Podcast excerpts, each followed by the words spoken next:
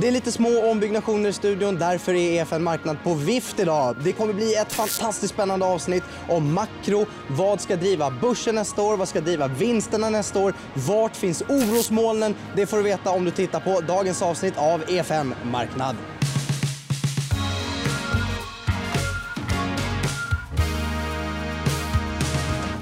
Med mig i dagens EFN Marknad har jag Molly Guggenheimer och Mattias Sundling. Välkomna. Tack. Tack så jättemycket. Var tror ni att eh, börsen ska framöver egentligen? Det är en ganska svår fråga, bred fråga. Men Molly, du får börja bara för att du ska få den svåraste först. Just det, rätt ja. ner i backen säger jag. Nej, jag skojar bara. Nej, men jag tror att det kan bli lite volatilt. Jag tror man ska tänka sig att det kommer vara liksom tre tydliga karaktärsdrag för börsen, kanske 12, kommande 12 månader. Och det är lite lägre avkastning. Jag tror börsen kommer vara ungefär flat sådär på 12 månaders sikt, lite upp kanske. Och så tror jag det kommer vara mycket mer volatilitet, eh, fler korrektioner. Och jag tror att det är defensivt som kommer gå bättre än cykliskt, även om det har varit ganska svår trade senaste tiden. Mm. Håller du med Mattias? Ja, tyvärr. Nej, jag håller med. Eh, jag tror också att det är svårt att utifrån det perspektivet som jag och Molly är vana vid att titta på, top-down perspektiv, vi kommer väl in på vinstcykel och värdering och sånt där. Men det är svårt att argumentera sig fram till att det skulle finnas någon sån där fantastisk uppsida för aktier. Allting kan ju hända, men jag tror också att det... Jag tror egentligen sidledes är bästa gissningen. Mm. En, en, grej jag är nyfiken på inför nästa år, det är vad ni tror att centralbankerna kommer att göra, framförallt Fed, för det är ju ändå de som är viktigast vad gäller tapering och räntor. Vad tror ja. du Molly? Eh, jag tror man kommer tapra kanske lite snabbare takt. Eh, det har redan blivit lite mer oenighet eh, bland Fed-ledamöter. Och så tror jag man kommer höja räntan. Sen är frågan hur mycket ska man höja räntan förstås? Och det vet vi inte än. Det är det som är hela grejen. Så man är egentligen bara dum tycker jag om man ska ha en tydlig åsikt kring ja, räntan och inflationen och centralbanker för att det är för mycket osäkerhet så man kanske snarare ska vara liksom ödmjukt positionerad men det man ska hålla koll på tror jag är inflationsförväntningarna. För centralbanker kan ju inte kontrollera eh, obalansen mellan utbud och efterfrågan. Vare sig det handlar om varor eller om eh, arbetskraft. Det de kan kontrollera är inflationsförväntningar. Så skulle de bli, eh, inte vara eh, ankrade längre, då skulle man ju ha ett problem. Um, men där är vi ganska långt, vi är långt ifrån den situationen fortfarande. Men det är väl det man ska hålla koll på. Ja, jag har väl lite annan infallsvinkel för jag tror att eh, man kan ju börja med att konstatera att de är hökigare än vad vi trodde. Så hade vi sagt för ett halvår sedan att de kommer höja 22 och inleda tapering i november så hade ju den allmänna uppfattningen varit att det, hade varit en, att det var en hökig prognos så att säga. Men där är vi nu. Och de verkar skruva åt det också ännu hårdare. Eh, men jag har en känsla, eller en idé, eller en prognos, eller vad jag ska kalla det för, om att nästa år kommer att vara ganska präglat utav vad jag tror kommer att vara en fortsatt avmattning av Kina. Jag tror att det kommer att vara lite grann av en deflationistisk impuls. Så jag tror, precis som Molly, de hinner väl höja någon gång. Kanske till och med hinner höja två. Men sen tror jag att det blir jättestora frågetecken på det att Kina-oro gör ja. att man inte känner att det finns utrymme Nej. att strama åt Nej, och att det inte finns eh, samma självklara momentum i världsekonomin som för att man ska kunna klara det. Vad är det som gör att du tror att Kina kommer att svaja till? Ja, det är en lång historia.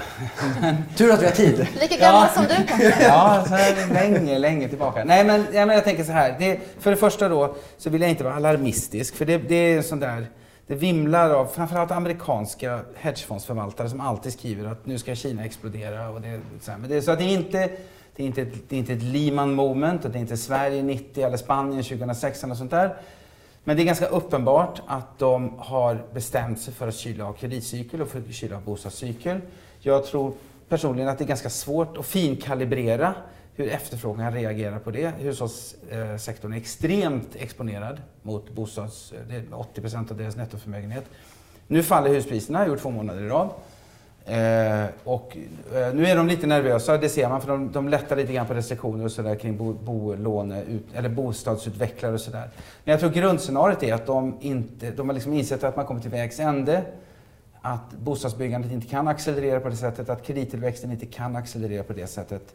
Och då, då, tror jag att det finns en stor risk att vi får lite svagare efterfrågan. Och jag tror också att det finns en stor risk inom citationstecken att de kinesiska myndigheterna är beredda att acceptera det. Jag, så att jag tror att efterfrågan och tillväxten nästa år blir lägre än vad konsensus räknar med. Det har redan varit i år så att säga. Vi håller, vi, folk är ju i full fart med att revidera ner snabbt. Ja. Men jag tycker också att eh, Sundling har en eh, poäng. Därför att jag upplever nu att direkt så har makroekonomerna redan svängt och blivit lite mer positiva på Kina. Därför att kreditimpulsen har blivit något mer positiv. Men eftersom man samtidigt ska eh, svalna av fastighetssektorn så är inte jag helt säker på att korrelationen mellan kreditimpulsen och fastighetssektorn eller liksom tillväxt generellt i Kina kommer att vara lika tydlig. Sen tycker jag också att du belyser ett ganska intressant fenomen, för vi började prata om inflation. Och jag håller med eh, på sätt och vis, därför jag tror också att varuinflationen, det, det har ju varit temat för börsen i år. Det är det som har drivit på inflationen. Jag tror nästa år, då kommer det inte handla så mycket om det, utan det kommer handla om tjänstesektorn. Och framför allt, tjänstesektorn är väldigt arbetskraftsintensiv, så det kommer handla om löneinflation. Tror jag. Och det är det som gör att jag blir lite mer kanske orolig än du vad gäller inflationsförväntningarna och eh, centralbankernas liksom, eventuella respons på att inflationsförväntningarna kanske kommer att reagera lite tydligare. Ja. ja. och så ser det ju ut just nu. Det är en poäng. Allting har ju gått upp mycket mer än väntat. Men jag måste säga att jag, jag tar väl också, jag pratar mycket med fixed income-folk och sådär här på banken. Eh, och jag tycker väl att det är en väldigt anmärkningsvärd sak i år är ju att allting har ju blivit mycket värre än väntat som du sa. Löneinflation och varu, eller, eller all inflation. Eh, eh, headline och core och och sådär. Ändå så är ju räntorna mycket lägre än vad folk trodde. Så nu har vi en tioåring i USA på, vad ligger 1,60 eller sånt där? Eller 1,65? 1,60... Jag trodde vi skulle testa 1,70 den här veckan, men ja, jag igen... Nu faller det ner igen lite ja. ja. Men och realräntan ligger på minus 1 och om man tittar på långt, långt ut på de här 5 year, 5 year så ligger ju inflationsförväntningarna superstabila. Mm. Så jag har tänkt så här, varför inte ta och lyssna på fixed income-marknaden? Vi lyssnar på räntemarknaden och tar räntemarknaden på allvar. Därför att det finns alltid en tendens att bortförklara rörelserna på räntemarknaden och säga att det beror på QE, det beror på flöden, det beror på positionering. Men jag tänkte att jag skulle ta den på allvar. Jag lyssnar på den och den säger ju uppenbarligen att det är inte något större problem på lite sikt. Om, men, men, det är den här transitory, transitory kan ju vara... Men om, om konjunkturen nästa år blir lite svalare, främst drivet av Kina då, eller bland ja. annat drivet av Kina, men vi är kvar i läget med ganska hög inflation. Blir inte det väldigt bekymmersamt för att då kanske man egentligen vill höja räntor för att kyla av inflationen men det vill man samtidigt inte för konjunkturen svalnar av? Nej, men det är ju bekymmersamt redan nu skulle jag vilja säga. Det är ju, det är ju faktiskt så att centralbanken, eller vad säga, marknaden säger ju åt, okej okay, det stämmer väl hyggligt bra med Fed, men marknaden säger ju att ECB ska höja nästa år. Och marknaden säger att Riksbanken ska höja nästa år. Så det är två års diskrepans mellan vad Riksbanken säger, eller vad ECB säger och vad marknaden säger. Jag kan inte dra mig till minnes att det någonsin har varit en sån skillnad i förväntningar. Så det blir ju knivigt redan liksom. Sen tror jag liksom, det skulle ju kunna potentiellt vara så att Fed inte kommer vara särskilt oroliga över inflationen, även om vi ser att inflationsförväntningar men, tickar upp ytterligare. Eh, om vi ser att ekonomin samtidigt svalnar av. Alltså, och det är ett möjligt scenario, skulle jag säga. Och det kommer ju vara relativt bra för börsen ändå. Så jag tror inte man ska utesluta det. Men å andra sidan så kan man också komma ihåg att under senaste cykeln så såg vi ändå en försvagning under hela perioden som Fed ja, man började med tapering och sen också inledde sin första räntehöjning. Så att liksom, PMI behöver så att säga inte liksom, ticka upp för att Fed ska uppleva att de kan eh, liksom, strama åt. Men sen tänker jag, varför du frågar är ju egentligen ett slags... Det är ju för att det är en av de viktigaste pusselbitarna i ett allokeringsperspektiv då, eller när vi ska välja och bedöma sektorer och sådär. Och där är det, redan där blir det svårare också tycker jag. För att jag tror vår officiella syn är att tioåringen i USA ska till 1,75 eller någonting sånt där. Så det är liksom 10-15 punkters uppsida då vilket är alldeles för lite, tycker jag i alla fall, för att göra någon så value growth eller bank call på. Det, det, blir ganska svårt. Det var lättare då för drygt ett år sedan när vi jobbade ihop, du och jag Molly, och gjorde ett call på value growth. Eh, mm. Men då var ju tioårsräntan i september 20, det var väl 0,5 eller någonting mm. i den mm. stilen. Då kändes det ju liksom enklare. Nu är det, nu är det svårare tycker jag. Kan det bli nästa år lite av ett mellanår där det inte finns några supertydliga så kan det vara. Ja. Så kan det vara. Det kan mycket väl vara så att det är precis som du säger, massa volatilitet, slår upp och ner. Mm. Men mer, det finns lite siffror som jag tycker är intressanta på att eh, det är större variation inom sektorerna än mellan sektorerna. Vilket i princip väl är att säga då att den här gamla sanningen att det blir mycket mer stockpicking än, än att hitta rätt sektorer. Mm. Nästa år ska kan... du inte prata med oss. Nej, nej exakt. Nej. Men nästa år kan bli bra för stockpickers. Nej, men jag tror att defensivt, alltså om man ska säga dela upp liksom i men, stilsektorer eller så, så tror jag att defensivt kommer klå cykliskt ganska mycket. Det tror jag med. Så där tycker jag vi har ett ja. jobb att göra. Och sen tycker jag fortfarande att man ska äga bank, men det är lite ja. mer för att kanske men som jag sa, man ska vara liksom, ränteödmjuk och i det ingår att äga bank. Ja. Faktiskt. Ja, jag håller med om det också. Så defensiv och äga bank. Ja, bank blir en bra hedge också. Om det är nu så att den här synen som vi slår, står för är lite för försiktig. Eh, och att det blir värsta farten på ekonomin. Ja, då har man lite cykliskt, Ja, då har man lite beta i form av bank. Ja, då då får vi, får vi det via bank. Så det är en ganska bra hedge. Något som också är intressant eh, för nästa år det är vart ni tror att vinsterna ska någonstans Molly. Vad, vad tror det, du? är, det är väldigt spännande därför det vi pratar om nu det är osäkerhet vad gäller räntorna. Och vad betyder det? Jo, det betyder att det finns en stor osäkerhet kring värderingen. Jag tycker inte det är där man ska ta ett bett. Alltså man ska inte betta på blir det multipel expansion eller inte. Utan man ska kolla på vinsterna. Eh, och det är det som gör att jag blir lite mer försiktig då. Eh, därför jag tror man måste backa bandet egentligen två steg. Och så får man tänka, vad var det som gjorde att vi fått det här exceptionella året 2021? Vi har fått 50% vinsttillväxt. Och inte nog med det, det som är ännu mer anmärkningsvärt är att analytiker väntade sig 25% i början av året, så man har legat historiskt fel. Varför? Två saker, och det här hade vi faktiskt väldigt rätt på, jag och Sundling, när vi jobbar ihop. för övrigt. Nej, men, och det var två saker och det var den disponibla inkomsten sköt i höjden, det här är väldigt välkänt, och det andra var ju förstås att man stängde ner tjänstesektorn. Vad har hänt med de två faktorerna om vi blickar in i 2022? Jo, den reala inkomsten är till och med negativ år, år över år. Och det här är någonting som hushållen själv upplever och också förväntar sig i framtiden. Så kollar man på hushållsförtroende till exempel, ja men då säger de att jag tror jag kommer ha en lägre real inkomst nästa år. Det här är viktigt, även om det låter väldigt makroekonomiskt och, och torrt. Ja, men det begriper till och med jag. Om folk tycker att de har mindre pengar i plånboken kommer de inte handla lika mycket. Nej, och dessutom har man de har bättre... mindre pengar. De har lite mindre pengar. Å andra sidan har ett stort ackumulerat sparande. Och det är liksom en uppsiderisk. Men om man ändå kollar och blickar på eh, estimaten in i 2022, det tycker jag vi ska göra nu. Eh, och man pratar mycket om vad är slutefterfrågan? Eh, omöjligt att använda order-data, det är omöjligt att använda lagerdata. Jag kollar på detaljhandeln i USA, därför det är där vi har fått efterfrågechocken, det är där vi har alla containrar utanför i hamnen. Ja, och 2020, nej det kanske inte är det bästa jämförelseåret. Så här jämför vi detaljhandeln mot 2019. Ja, och då är detaljhandeln upp ungefär 20 procent sedan 19. Hur ligger vinsterna 2021? Ja, då är vi också upp ungefär 25 procent, 20 procent över 19-nivån. Så det verkar finnas ett samband här och det tror jag absolut att det gör. Blickar man då mot 22, då väntar man sig 7-8 procents vinsttillväxt globalt. Det är ingenting som sticker ut, utan det är tvärtom lite lägre än vad man brukar vänta sig in i nästa år. Men om man kollar på grafen så kan man se att man skulle egentligen bara kunna lägga en linjal här. För det har analytiker tyvärr en tendens att göra. Man drar ut efterfrågetrender in i nästa år. Och det tror jag är för positivt. Därför har man mindre pengar som du var inne på, ja, men då kommer man konsumera mindre. Och då tror jag den här blåa linjen, den kommer röra sig ner. Och det blir en utmaning för liksom, den röda linjen så att säga. Så därför tror jag att det finns en risk i alla fall att vi får flat vinsttillväxt nästa år och kanske till och med year over year eh, vinstrecession, alltså under två kvartal. Så att vi kommer ligga på en jättebra nivå.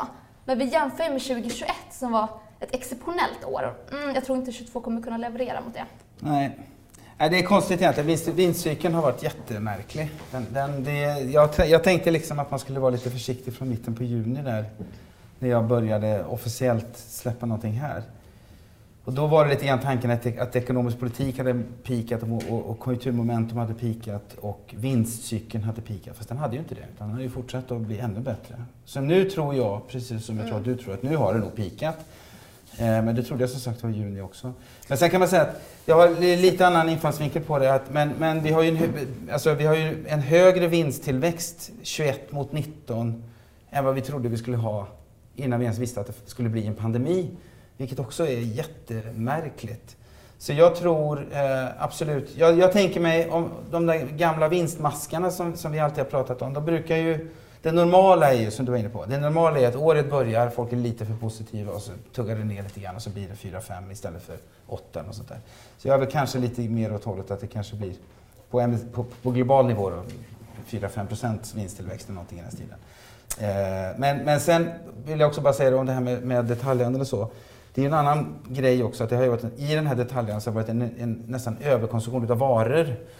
Så rimligen, precis som du var inne på, nästa ytterligare marginal efterfrågan blir rimligen på tjänster så att vi nästan underkonsumerar varor och detaljhandeln är ju nästan bara varor varuhandel så att säga. Så att, så att det blir ett annat tema för nästa år. Mm. Och sen har ju varor, eller inflationen har varit mycket tydligare vad gäller varor så att man har ju liksom ett in, incitament, eller så här, i reala termer så känns det billigare också Ja. att konsumera. Så Ja, exakt, det är sant. det finns Ja. eh, också ett sånt argument. Kan en räddning för nästa år bli att un under pandemin så har ju många företag underinvesterat. Man har dragit in på så mycket det bara går. Men att 2022 så är det dags att börja investera igen, börja skicka folk på tjänsteresa, börja ta capex. Fast det blir inget bra för vinsttillväxten. Nej. Jag tror att det som är mysteriet här tycker jag är att det har varit sån fantastisk marginalutveckling.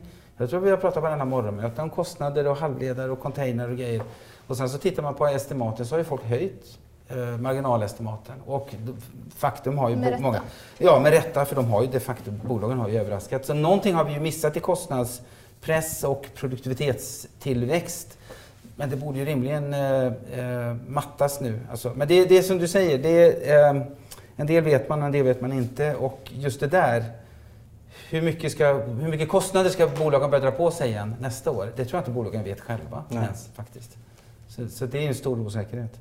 Och sen tror jag faktiskt, för att liksom, det som skulle vara motargumentet mot det vi säger nu, det är ju att man kommer se en stor lageruppbyggnad nästa år. Och det kommer man se i bilsektorn. Men jag tror att folk generellt liksom överestimerar lageruppbyggnaden, alltså generellt. För att Men lager, lagernivåerna är inte så låga, Nej, utan de så- ligger på trend. Ja. Anledningen till att det ser lågt ut är att försäljningen är så högt. Ja. Så att man måste mm, man hålla tungan i mun och inte använda så här ratios och sånt som man brukar använda när man kollar på lager. Liksom. Nej, och det är ju, alltså det skeppas ju fler containrar nu än det gjorde 2019. Det skeppas Mm. fler halvledare nu än det gjorde 2019. Det är ju lätt att tro att det inte, men, men det är ju precis som du Jag säger. kollar på exportdatan i Asien. Ja, slutefterfrågan är ju enorm. Men, och det, när det gäller slutefterfrågan så finns det ett annat frågetecken då. Det kan ju vara lageruppbyggnad, men det kan ju också vara så att man hamstrar. Eh, Alla beställer allting överallt därför att man vet att någonstans kanske det trillar ner en halvledare då. Och så då har vi ju en illusion av stark efterfrågan som egentligen inte är så stark. Så det, det är eh, många frågetecken på det. Och vilka segment är det det kommer drabba? Jo, det är de cykliska. Ja. Och då snackar vi vissa industribolag, inte de som är bilexponerade, men kanske det man brukar kalla finverkstad som har lyckats leverera. De är at risk. Det är många consumer discretionary-bolag, alltså sällanköpshandel, som är at risk. Så jag tycker den här defensiva approachen, eh, den liksom underbyggs, för Ja. mig i alla fall, liksom drivet av vinst, vinsterna nästa år. Ja. Eh, Ett annat... Ja, vi- kanske kommer in på det, men det har inte varit helt lätt med defensivt heller. Nej. Eh, Ett annat eh, orosmoln, Molly. Sparandet det har ju varit jättehögt och därmed fondinflöden. Vad tror du om det framöver? Eh, nej, men jag tycker det är jättespännande och det är ju goda nyheter för till exempel mina kunder då, som, där vissa har brottats med att momentum har gått så bra. Så att många liksom Sverigefonder kanske inte äger EQT och Evolution och då har man hamnat snett. Eh, jag tror att eh, nästa år kommer vi se mycket mer liksom normaliserande. För att om man kollar på fondinflödena så liknar det väldigt mycket den här kurvan över sparkvoten. Det vill säga, ja man har sparat mer, det har också gått in i, i börsen. Och det är egentligen inte särskilt förvånande. Men kollar man de två senaste månaderna på svenska aktiefondsinflöden så är det faktiskt ett nettouttag. Och det är för att börsen har varit lite skakigare. Eh, Men jag tror att vi kommer se mycket mer normala nivåer av inflöden och utflöden. Och det gör ju att vi kanske inte får samma buy the dip eh, marknad. Så det tycker jag också stöttar det jag säger att vi kommer kanske se mer volatilitet. Eller om man vill, en mer vanlig börs än vad vi har sett 2021. Ja, för det har varit ett exceptionellt sparande. Ja, och det var så beror ju enkelt. På, det beror ju också på att det har varit en exceptionell finanspolitik. Så det som kännetecknade den här, om vi nu ska kalla det för recession, var ju för första gången egentligen på, på decennier så, så använde man ju finanspolitiken extremt aktivt. Så man kastade ju, eller vi har ju flyttat sparande från den offentliga sektorn till den privata sektorn. Eh, Men jag pratade om tappat momentum på ekonomisk politik. Så nästa år så blir det ju det. För då, då, eh, vi kommer ju ha budgetunderskott också, men vi kommer ha mindre budgetunderskott än vi har i år. Och det är ju liksom själva definitionen egentligen av en åtstramning av finanspolitiken. Eh, Så de här checkarna försvinner och sådana där grejer. Och sen som du är inne på, de fick en massa checkar. Det blev en stor buffert. Men sen verkar det lite grann som den, den det händer inte så mycket med den, med den bufferten utan de behåller den. Och sen så, det är väl mycket av det som då på marginalen gick in på börsen. Men så kommer det inte se ut nästa år. Utan jag menar, nu blir det ju, allting blir ju lite mer normalt. Folk får ju inte massa checkar och underhåll och sådana saker. Nej. Och det var lite det jag sa, jag sa till någon att så här, det, jag tror nästa år då är det dags att tänka mer som en professionell investerare, det vill säga i termer av diversifiering, ja, men liksom ett risktänk. Man kanske till och med ska kolla på värderingen, vilket ingen har gjort 2021. Eh, Jag tror det kommer vara ja, mer så man ska tänka än liksom bara momentum och eh, ja, growth. Och sånt. Ja, för det låter sammanfattningsvis som att nästa år, makro blir troligen sådär, eh, max okej. Och sen så vinsttillväxt sådär. Och då blir det väl stockpickerns år då helt enkelt att hitta Jag exakt tror det. rätt bolag. Jag Det tror finns det, men alltid det- ett jobb för finns det strategen. Det finns jobb, och jag håller inte med. Jag tror makro kommer se alltså, bra ut. Ja. Jag tror nivån av konsumtion kommer vara bra, bara att det kommer inte gynna liksom, Det- aktier så nej. mycket. Nej. Nej, men, jag, nej, men exakt. Det är, ju, eh, det är inte så mycket nivån det handlar om, utan det är ju förändringen som är grejen. Och förändringen är, inte, så- är lite mer negativ. Mm. Och det är ju inte förändringen som börsen brukar försöka titta på när den Jo, blickar jo, framåt. exakt. Men det är, och förändringen är en motvind Mm. egentligen. Men det är bara viktigt att ändå nyansera det, för Ja. det är liksom inte, jag ser i alla fall absolut inte någon recession Nej. i sikte. Nej, nej. Eller inom överblickbar framtid kan jag säga att jag ser en recession, men den är inte här nu. Så makro blir inte dåligt, det blir mindre bra. Ja. Så kan man säga. Ja. Det blir inte, det blir inte, det blir inte en drivare utav, utav, utav finansiella marknader på det sätt som det varit i år. Finns det något mer ni vill kasta med tittarna om vad ni tänker om 2022? Uh, nej. Nej? Nej, men jag tycker bara, det, det är enkelt. Ja. Vad är det som ska driva? Är det vinsterna eller är det värderingen? Har du inget bra svar på någon av de frågorna, då ska du ta ner lite risk. Var lite försiktiga. Exakt. Ja. Tack! Det var ett bra avslut på dagens EFN Marknad. Vi är tillbaka nästa vecka igen. Då är vi i studion som vanligt. Ha det fint, trevlig helg. Hej då!